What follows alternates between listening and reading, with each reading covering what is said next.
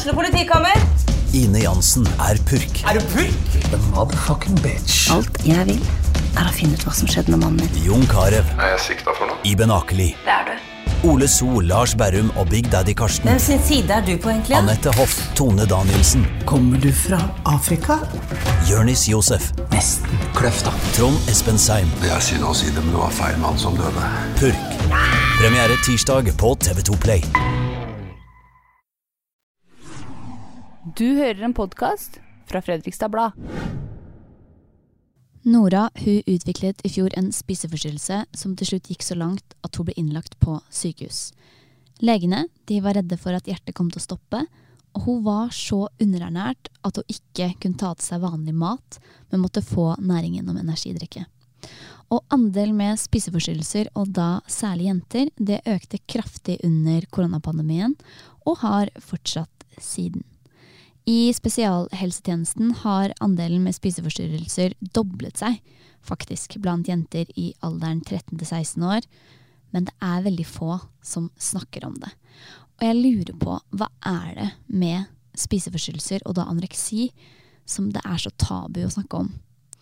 Nora, som bare er 15 år faktisk, og gjesten min i dag, hun skrev dette til meg noen dager etter vi møttes for første gang. Da skrev hun Spiseforstyrrelsen gjorde livet mitt jævlig og tok ifra meg alt av glede i livet. I dag så er livet hennes helt annerledes. Hun har fått tilbake Nora. Og det samme har foreldrene og vennene hennes. Og i dag skal vi snakke om akkurat det. Og jeg vet at Nora har så lyst til å dele historien sin i håp om at det kan hjelpe både pårørende og eh, de som står i det selv. Eller kanskje bare at helt vanlige folk får mer kunnskap om spiseforstyrrelsen anoreksi. Og før jeg starter, så ønsker jeg bare å si at denne episoden kan inneholde elementer som trigger deg. Så det er helt lov til å hoppe over denne episoden, men på forhånd så må du vite at vi kommer ikke til å snakke om vekt eller diett.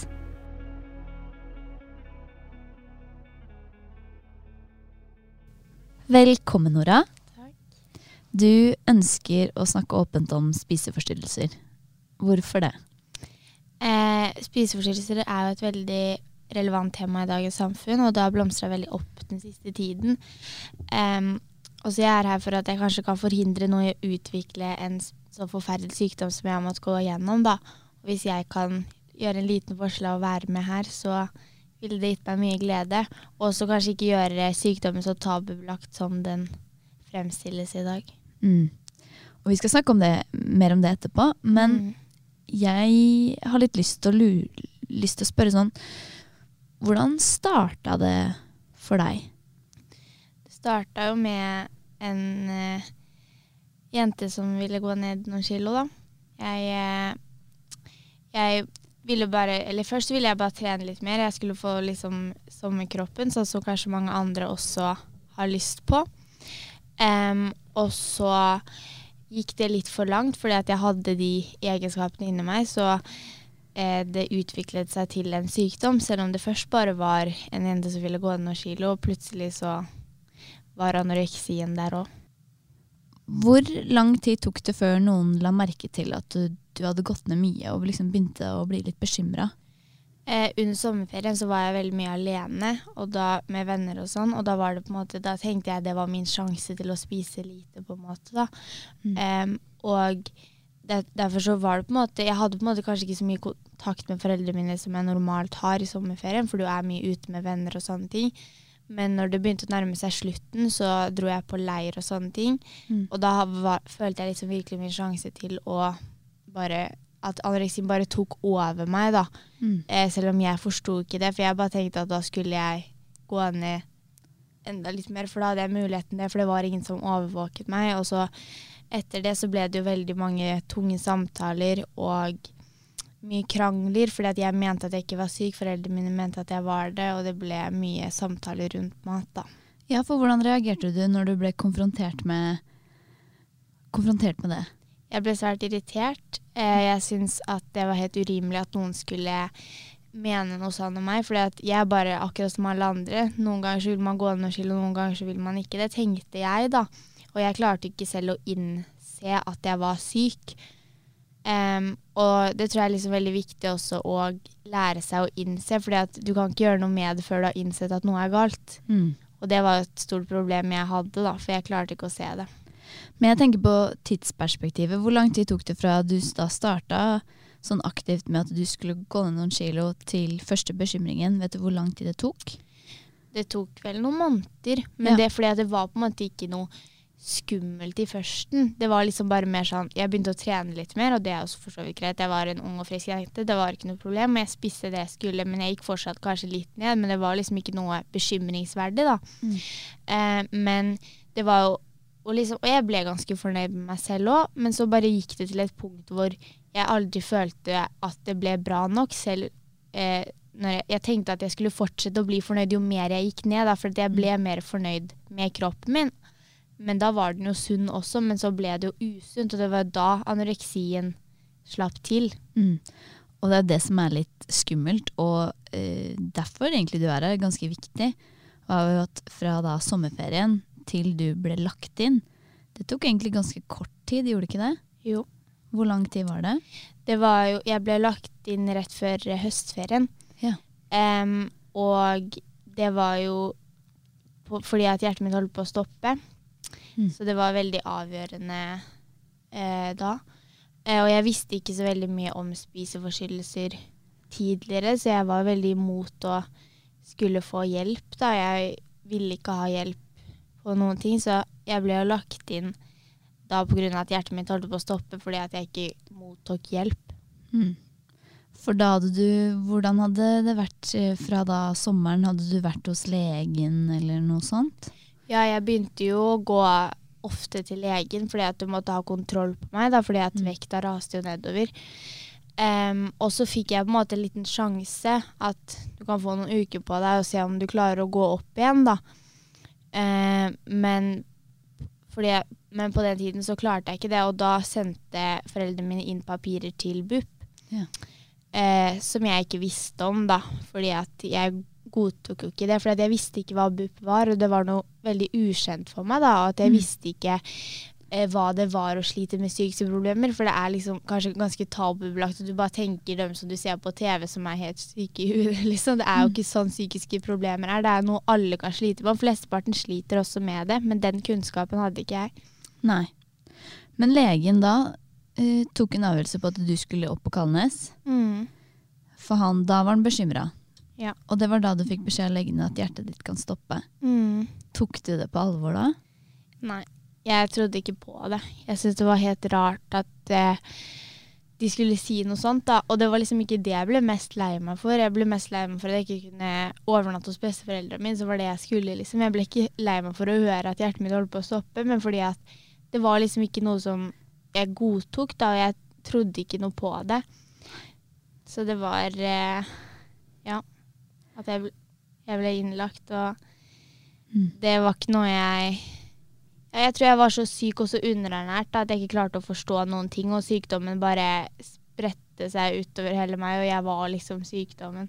Ja, ikke sant? Mm. Men så Du var bare der noen dager da, før du skulle Ja. inn igjen? Ja, jeg var der tre netter. Ja. Hvordan, Eh, hvordan var det? Det var helt jævlig, egentlig. Mm. Og bare skulle Og liksom og fordi at For det første så forsto jeg ikke hvorfor. Jeg syntes liksom ikke at jeg trengte å være der. Jeg tenkte ikke selv at jeg var så syk, at jeg trengte å være innlagt. Tenkte at dette var helt unødvendig. Ja, jeg syntes det var helt tullete at jeg skulle være der. Og så eh, var jeg jo der kun i tre netter, fordi at de måtte overvåke hjertet mitt. Så jeg hadde jo masse sånne klistremerker på meg og sånne ting. Jeg måtte gå med sånn maskin hele tida for å sjekke at alt var som det skulle. da. Og så ble jeg sendt hjem etter tre netter, men det var jo også litt farlig å sende meg hjem eh, på den tiden når de ikke visste når jeg skulle bli innlagt neste gang. da. Nei. Og hvor lang tid, tid tok det? Det tok tre dager. Tre dager. Mm. Og du Vi har jo tatt en prat før, og du fortalte meg da at eh, du fikk beskjed om at hvis du gjorde som de sa, så skulle du kun være der i Eller kun, nye hermetegn. Det var jo ganske lenge, eller syv uker, da. Ja. Uh, Men det var liksom sånn det var, det var på en måte ikke noe det første de sa heller. Nei. Fordi Først så hadde vi jo et møte på mandagen. Det var da Nei, først hadde vi møte på, med BUP på mandagen, og da henviste de meg til eh, ungdomspsykiatrisk da på Ja. eh, sykehuset i denne mellomtiden. Og i den der mellomtiden så var det jo veldig mye redsel hjemme hos oss. fordi at det var, For det første så var det redsel for meg, fordi at jeg visste ikke hva jeg gikk inn i. Nå skulle jeg inn i et helt nytt kapittel i livet som det kom til å bli jævlig, liksom. Og det var noe helt ukjent. Og foreldrene mine var jo livredde og skulle ha meg hjemme. De overvåket meg hele natten. Og ja, jeg og pappa jeg hadde jo også en biltur Mm. hvor eh, eh, han sier 'Nora, skjønner du hvor alvorlig det er her?' Ja. Og at du kan dø eh, når som helst, liksom. Det kan være uker, måneder. Hvis du fortsetter sånn her, så kommer du til å dø. Og så sier jeg 'Jeg hadde aldri latt det gå så langt, pappa', og det har du allerede gjort', sier han. Og da begynner jeg å hylgrine, for da innser det noe bitte lite grann i meg, da. Da tar kanskje Nora litt kontroll, for anoreksien har bare liksom Spist deg opp. ja, spist meg opp. Men så da var liksom Nora, fikk Nora slippe til i noen sekunder når jeg gråt da og innså det. Men så ble av igjen, liksom. Mm. Men akkurat det lille friheten som jeg skjønte der, da, at det var Nora som innså noe. Ja, innså at for første gang at du faktisk kanskje var litt syk. Ja, men det ble jo på en måte bare glemmebok eh, på nytt, fordi anoreksien bare tok over, ikke sant. Mm. Det var på en måte, Den var så sterk, så den bare spiste deg opp, og du klarte ikke, du var ikke sterk nok til å stå imot den. da. Så den kjøreturen der, den tok sted noen dager før du skulle legges inn de ukene. Ja, i den mellomtiden, de tre dagene. Kan du ikke fortelle litt hvordan de ukene var på sykehuset? Eh, jeg fikk jo ikke den behandlingen jeg trengte og hadde rett på, fordi jeg veldig lite psykologtimer, og det var på en måte en spiseklinikk. Ja, De skulle det- spise meg opp da, til en eh, helsemessig forsvarlig vekt. Hvordan var det for hodet når mat egentlig var litt din største frykt, og måtte sette seg ned og spise? Det var, det var, det var helt forferdelig.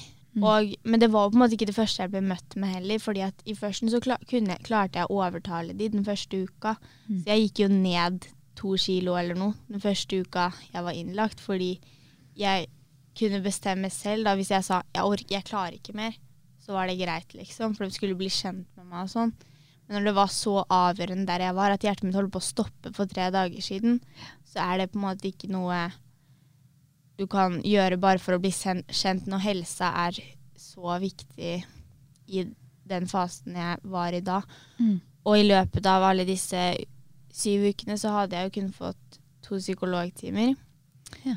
Eh, så jeg, de hadde jo ikke jobba noen ting med Hodet ditt? hodet mitt. Og jeg er jo veldig glad i jul. Nå er det jo snart jul igjen. Ja, Så det er jo et år siden nå jeg ble skrevet ut. det er rart. Ja, og det, det var liksom målet for meg da, å komme til 1. desember, og det klarte jeg å overtale de om også. Så de sa hvis du gjør som vi sier, så skal du komme til 1. Mm. Og det ble jo mange diskusjoner, og det var vanskelig for meg å øke måltider og sånn. Og jeg klarte å utsette det også, som også er sykt. At jeg klarte Ja. å utsette økninger fordi at jeg stridde imot, da. Jeg bare nekta, liksom. Mm. Um, og så, men jeg kom ut til 1. desember, for jeg hadde gjort som de hadde sagt til slutt, og jeg veide mindre. Jeg er mindre Ja. enn da jeg ble lagt inn. Så du var ikke frisk når du kom ut? Det var jeg absolutt ikke. Og de skulle Jeg ser jo tilbake nå at de aldri skulle skrevet meg ut da, men det ønsket var så utrolig stort for meg. da, fordi at hvis jula skulle bli ødelagt av den den jævlige sykdommen som tok over meg, så jeg vet ikke hvor jeg skulle gjort av meg. liksom. Jula er så viktig for meg, og den, den på en måte var en så stor motivasjon da, til å feire jul, på en måte, men den jula ble jo ikke slik som den tidligere har vært. Nei. Foreldrene mine var jo veldig mye bekymra. De måtte behandle meg hjemme. Mm. Og vi levde i et helvete, liksom, den eh, perioden. For hva var, hva var eh, oppfølgingen når du kom hjem? Det var eh, jeg, jeg veide meg en gang i uka eh, på, på UPS, men dette var bare en midlertidig løsning, skulle det være. Fordi vi ble fortalt at om tre-fire uker så kommer du inn på BUP poliklinisk. For når du blir sluppet ut der, så skal du begynne poliklinisk behandling på BUP, ikke sant. Men siden vekta ikke var høy nok til å komme inn på BUP, jeg hadde for lav vekt for det, så kom jeg ikke inn der. Og under denne perioden så var vektøkningen minimal. Jeg klarte nesten ikke å gå opp i vekt når jeg måtte håndtere dette hjemme sammen med mine foreldre. Og foreldrene mine var helt ja, de gjorde alt de kunne, da, og de eh, støtta meg hele tida. De hadde mange tunge samtaler mot meg, de, eller med meg. De behandlet meg hele tida gjennom den perioden. Så alt ble egentlig lagt over på dine foreldre til du var hermetegn, gåstein, frisk nok ja. til å ta imot hjelp fra BUP? Og hvor lang tid tok det fra du kom ut 1.12. til du da var inne i det systemet igjen? Det tok syv måneder. Syv måneder. Mm. Som foreldra dine måtte passe på deg. Ja, men jeg hadde jo en vekt eh, Ja, at du liksom kontrollerte vekten hele tiden, da. Så jeg gikk jo aldri ned for mye, liksom. Men det var på en måte litt opp, litt opp, masse ned. Sånn holdt jeg på hele tiden under den perioden. Og jeg klarte ikke en reell vektøkning til å komme inn på BUP. Men etter syv måneder så klarte jeg det. Og da tok det hele tre måneder også før jeg fikk et ordentlig behandlingsteam der, da, som begynte en ordentlig behandling. Men Kan du fortelle litt om det vendepunktet når du da plutselig slipper opp litt på den kontrollen? Hva var det som, når skjedde det, og hvorfor skjedde det? Eh, det var jo litt i februar, da, ja. eh, hvor jeg Vi var så lei alle sammen. Mm. Og jeg, jeg, hadde jo liksom en veldig strikt måltidsplan som jeg skulle følge, ikke sant. Um, men så kom vi bare til et punkt hvor alle var så slitne. Jeg var sliten, foreldrene mine var slitne. Og da sa faren min at det her går ikke mer, liksom. Enten så må vi legge deg inn et eller annet sted, eller så må vi klare det her ordentlig. Uh, og da bestemmer jeg meg bare for at jeg skal klare det. Og da går jeg ned og spiser masse smågodt som jeg ikke hadde spist på kjempelenge. Og ja, bare kjøre på, da. Men jeg Det var fortsatt vanskelig å gå opp i vekt. Jeg hadde jo ikke heller en reell vektøkning. Jeg hadde jo minimal vektøkning, for jeg klarte å komme opp til en reell målvekt til slutt, men den var minimale da også, selv om det på en måte da innså jeg litt at jeg var syk, da, og det var mm. det som drev meg fremover, at jeg innså at her er det noe jeg må gjøre. Og i den prosessen, når du da spiser mer og sånn, eh, merka du en endring på deg også? Ja, jeg ble jo mye mer positiv og glad. Jeg fikk jo mye mer energi i kroppen. Mm. Eh, man merker at eh, man orker mer ting. Jeg hadde jo ikke orka noen ting. Jeg orka å dra på skolen, jeg orka å være med venner, og du fikk på en måte lykken tilbake i livet da, som du hadde mista. Og det syns jeg er så viktig å formidle også, fordi håpet er der. Du må alltid ha håpet om at en dag så skal du bli frisk. Du alltid, og du må alltid minne hverandre på at håpet er der, og det kommer til å oppfylles som du ønsker det, da. Men igjen, vi skal snakke mer om dette her etterpå, men jeg lurer på mm. de som hører på uh, den behandlingen du har fått på BUP nå. Ja. Er du fornøyd med den? Ja. Hva er, er fornøyd med. Hva, kan du fortelle litt om hva den behandlingen innegår? Det er jo de snakker jo med Eller jeg er jo der fortsatt, så jeg mm. er jo mhm. der en gang i uka. Nei, ikke en gang i uka. Jeg er der ja, litt sjeldnere enn det. Men ja. de, det er på en måte samtaler litt mer om hvordan følelsene mine er, da. Eh, rundt mat. Og nå er det på en måte veldig lett rundt mat, men da kan det være på en måte andre ting som Det, det som er at anoreksi, det på en måte er ikke bare maten.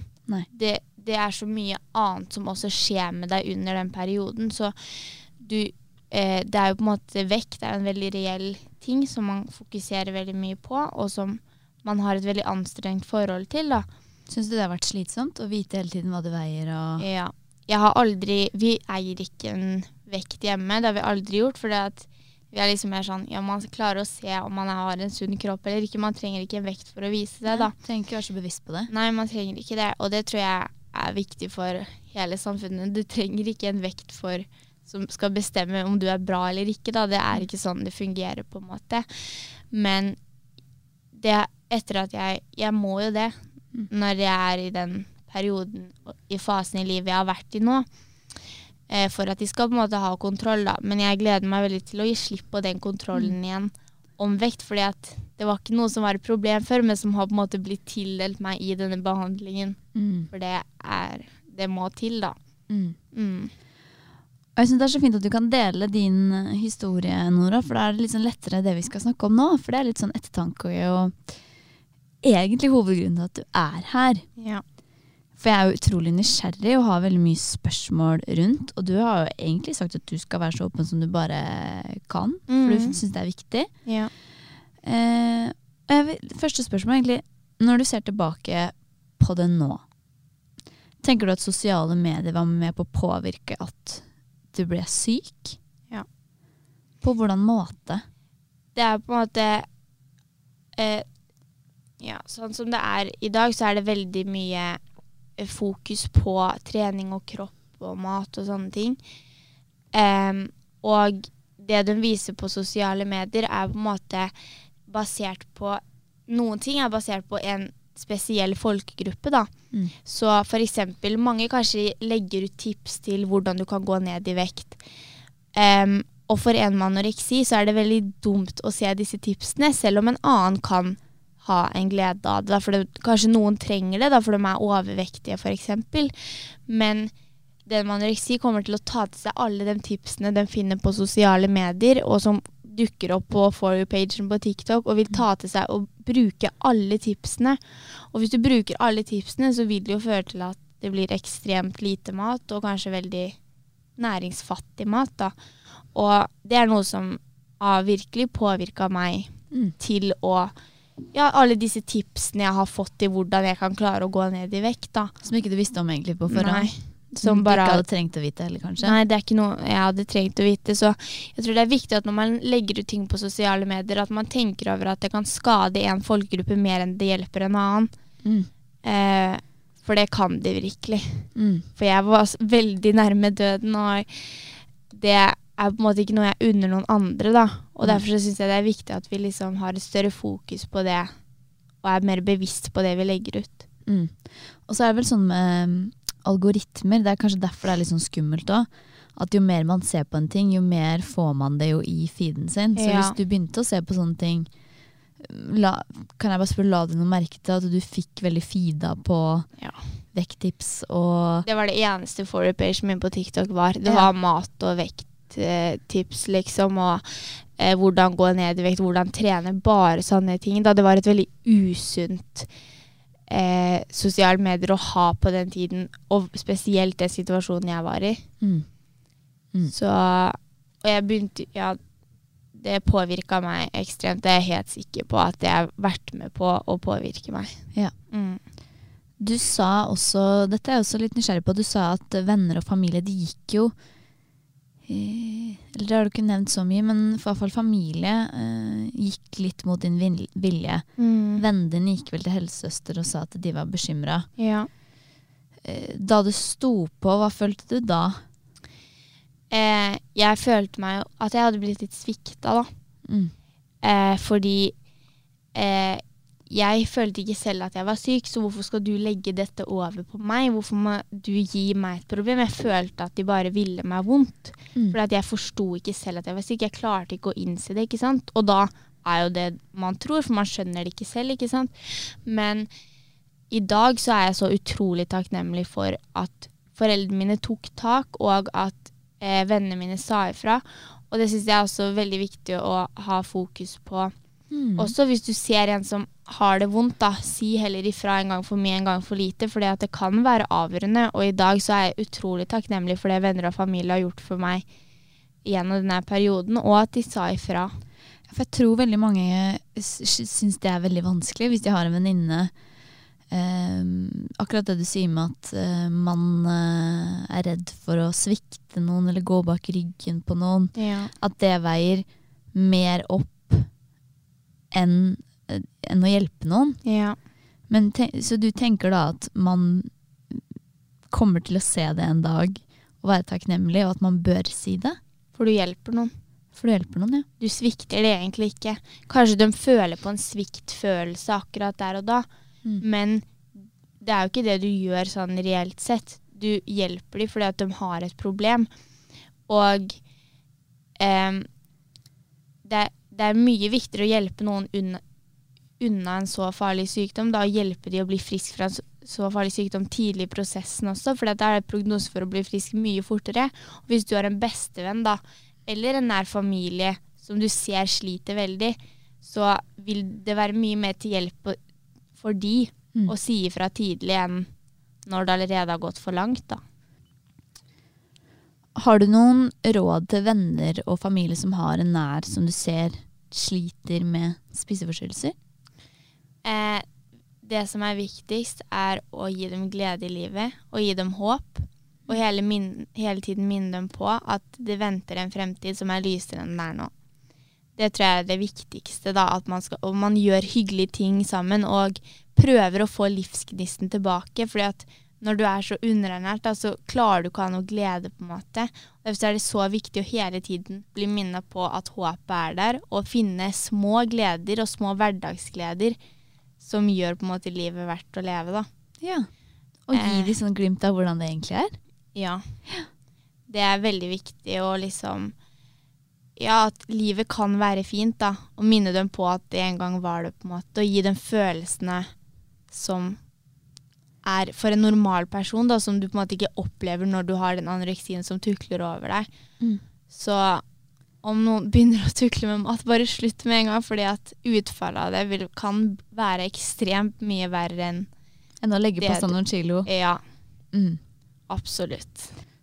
Jeg vet jo at du er veldig opptatt av at, eh, å, å skille sykdommen og Nora, at det er to forskjellige ting. Mm. Kan du utdype det litt? Anoreksi det er jo kun en sykdom, akkurat som eh, Det er på en måte en sykdom som du ikke kan noe for. Det, har no, det kan ha noe med genene dine å gjøre, anoreksi.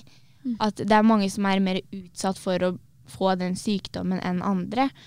Og akkurat som hvis du på en måte har dårlig syn, da, så er jo ikke det noe du kan noe for. Det er ikke noe du blir, får noe skyld for, på en måte.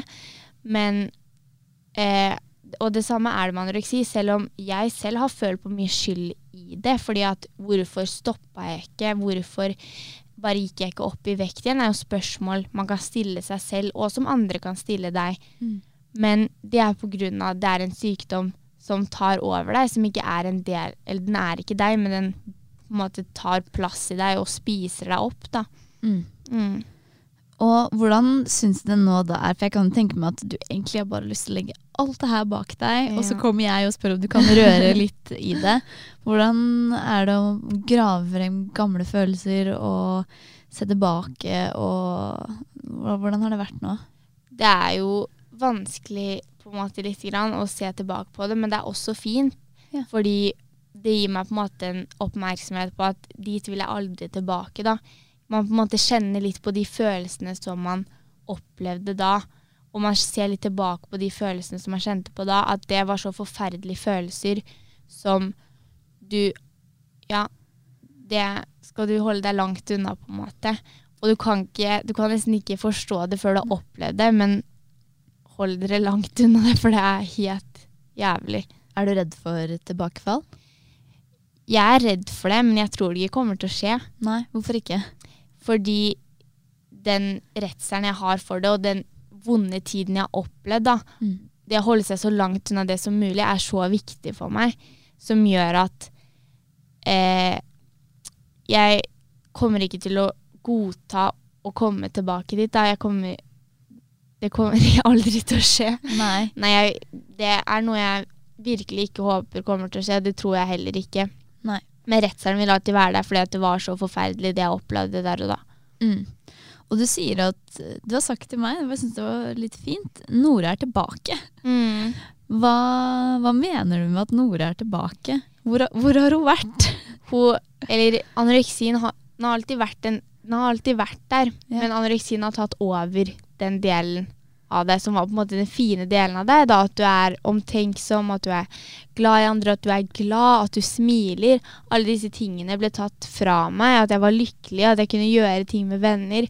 Og alle disse tingene har nå kommet tilbake, som gjør at de tingene som var bra med Nora, er her igjen.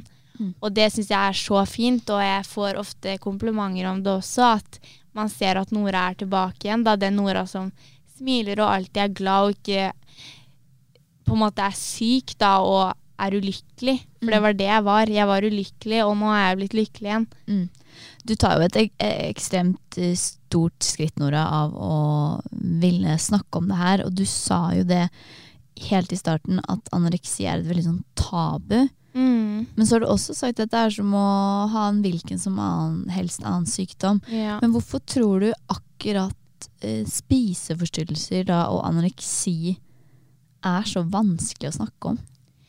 Jeg tror det kanskje fordi at folk har for lite kunnskaper om det, da. Og at man kanskje tror at det på en måte ligger litt skyld i det, da. Ja. For på en måte så kan du jo gjøre det, for det var du som valgte å gå ned i vekt, ja. Men hvem alle andre har ikke gjort det som ikke har utviklet anoreksi, da. Det er på en måte det man gjorde feil. Så du tenker at man føler på en sånn skam? At det det er Ja. Selvforskyldt? Ja, man kan føle på en skam at det er selvforskyldt, selv om det absolutt ikke er det. Fordi at da det ble en overgang fra en som ville ned i vekt til anoreksi, den overgangen vet man ikke helt hvor var. Mm. Men derfor så kan man heller ikke vite når man skal stoppe. Og man kan heller ikke vite at på en måte sykdommen herjer i deg, da. Fordi det er bare noe som kommer. Det kan ha noe med gener å gjøre. Det er på en måte ikke din egen feil, du kan ikke noe for det, akkurat som man ikke kan noe for at man har en annen sykdom. Mm. Jeg skal ikke gå altfor mye i det, for de som har behandla deg sånn, er jo ikke her for å forsvare seg. Nei. Men du har snakka litt om hvordan eh, den behandlingen var, og nå som du ser i ettertid, og som du sa i stad, så er du egentlig litt forbanna. Og du syns at du, du fikk altfor frie tøyler Mm. til å kunne bestemme litt over din egen behandling. Er du, Ja. er du misfornøyd med hvordan situasjonen var for et år siden? Da var jeg fornøyd. Men nå fornøyd. er jeg ikke fornøyd. For Mm. jeg vil jo bare ha frihet. Frihet er jo det viktigste vi mennesker har, synes jeg. For når jeg har levd i så kontrollbasert at andre har bestemt over deg, så er det å få friheten tilbake ekstremt viktig. Mm. Og derfor så var det også viktig for meg da. Men når jeg ser tilbake på det nå, så kunne jeg vært mye friskere i dag hvis jeg hadde fått den hjelpen jeg hadde trengt, og at ikke jeg hadde vært hjemme alene i syv måneder og ikke fått noe utvikling på de syv månedene. På de syv månedene så kunne jeg hatt masse utvikling, og kanskje jeg hadde vært ute av BUP i dag hvis jeg hadde fått den hjelpen jeg hadde trengt fortere, da. Og det er noe jeg er irritert og forbanna for, fordi at det er ikke noe gøy å leve med en sånn sykdom, og du vil unngå å leve med det så, så kort periode av livet ditt som mulig, da. Mm. Så det er noe jeg syns er irriterende, da. At jeg må gå utover mitt liv, at jeg ikke har fått den behandlingen jeg har trengt. Mm. Hvor mye har foreldrene dine betydd eh, oppi det her? Foreldrene mine har betydd alt. Hadde det ikke vært for de, så hadde jeg aldri kommet så langt jeg hadde vært i dag. Kanskje jeg fortsatt hadde vært innlagt, det vet jeg ikke. Nei. Men i hvert fall basert på den behandlingen jeg hadde fått, så hadde jeg garantert vært innlagt hvis jeg hadde fortsatt å fått den behandlingen som jeg fikk.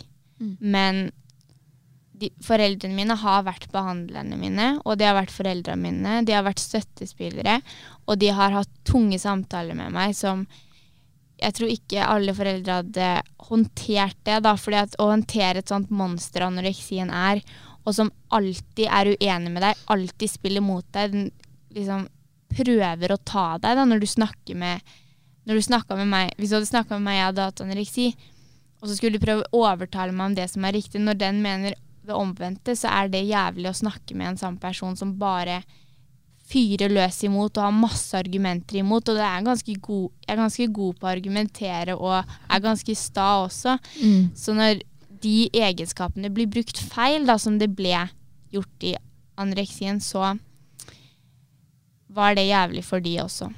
Mm. Men nå bruker jeg de staheten min På en annen til, måte. på en annen måte, på en positiv måte, for å bli frisk. At jeg vil bli frisk igjen. Mm. Jeg tror det skal være siste spørsmål, Nora. Tror du det er mulig å bli frisk? Ja. Helt frisk? Ja. Det er jeg helt sikker på. Hvorfor er du så optimistisk? Fordi hvis jeg mis hadde mista det håpet, så hadde jeg ikke klart å komme meg gjennom det. Mm. man klarer å ha det jævlig en kort periode, eller en ganske lang periode også, hvis du vet at du kommer til å ha det bra etterpå. Og det tror jeg er så viktig for alle som sliter da, med anoreksi eller andre psykiske sykdommer.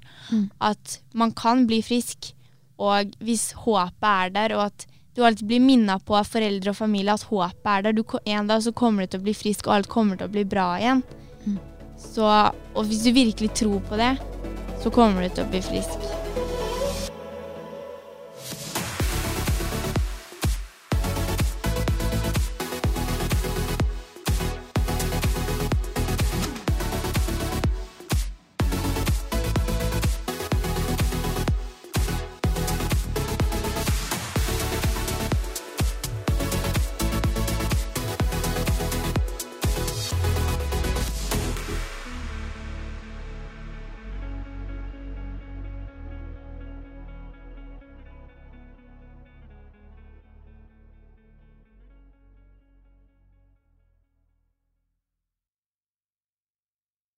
Har du et enkeltpersonforetak eller en liten bedrift? Da er du sikkert lei av å høre meg snakke om hvor enkelt det er med kvitteringer og bilag i fiken, så vi eh, gir oss her, vi.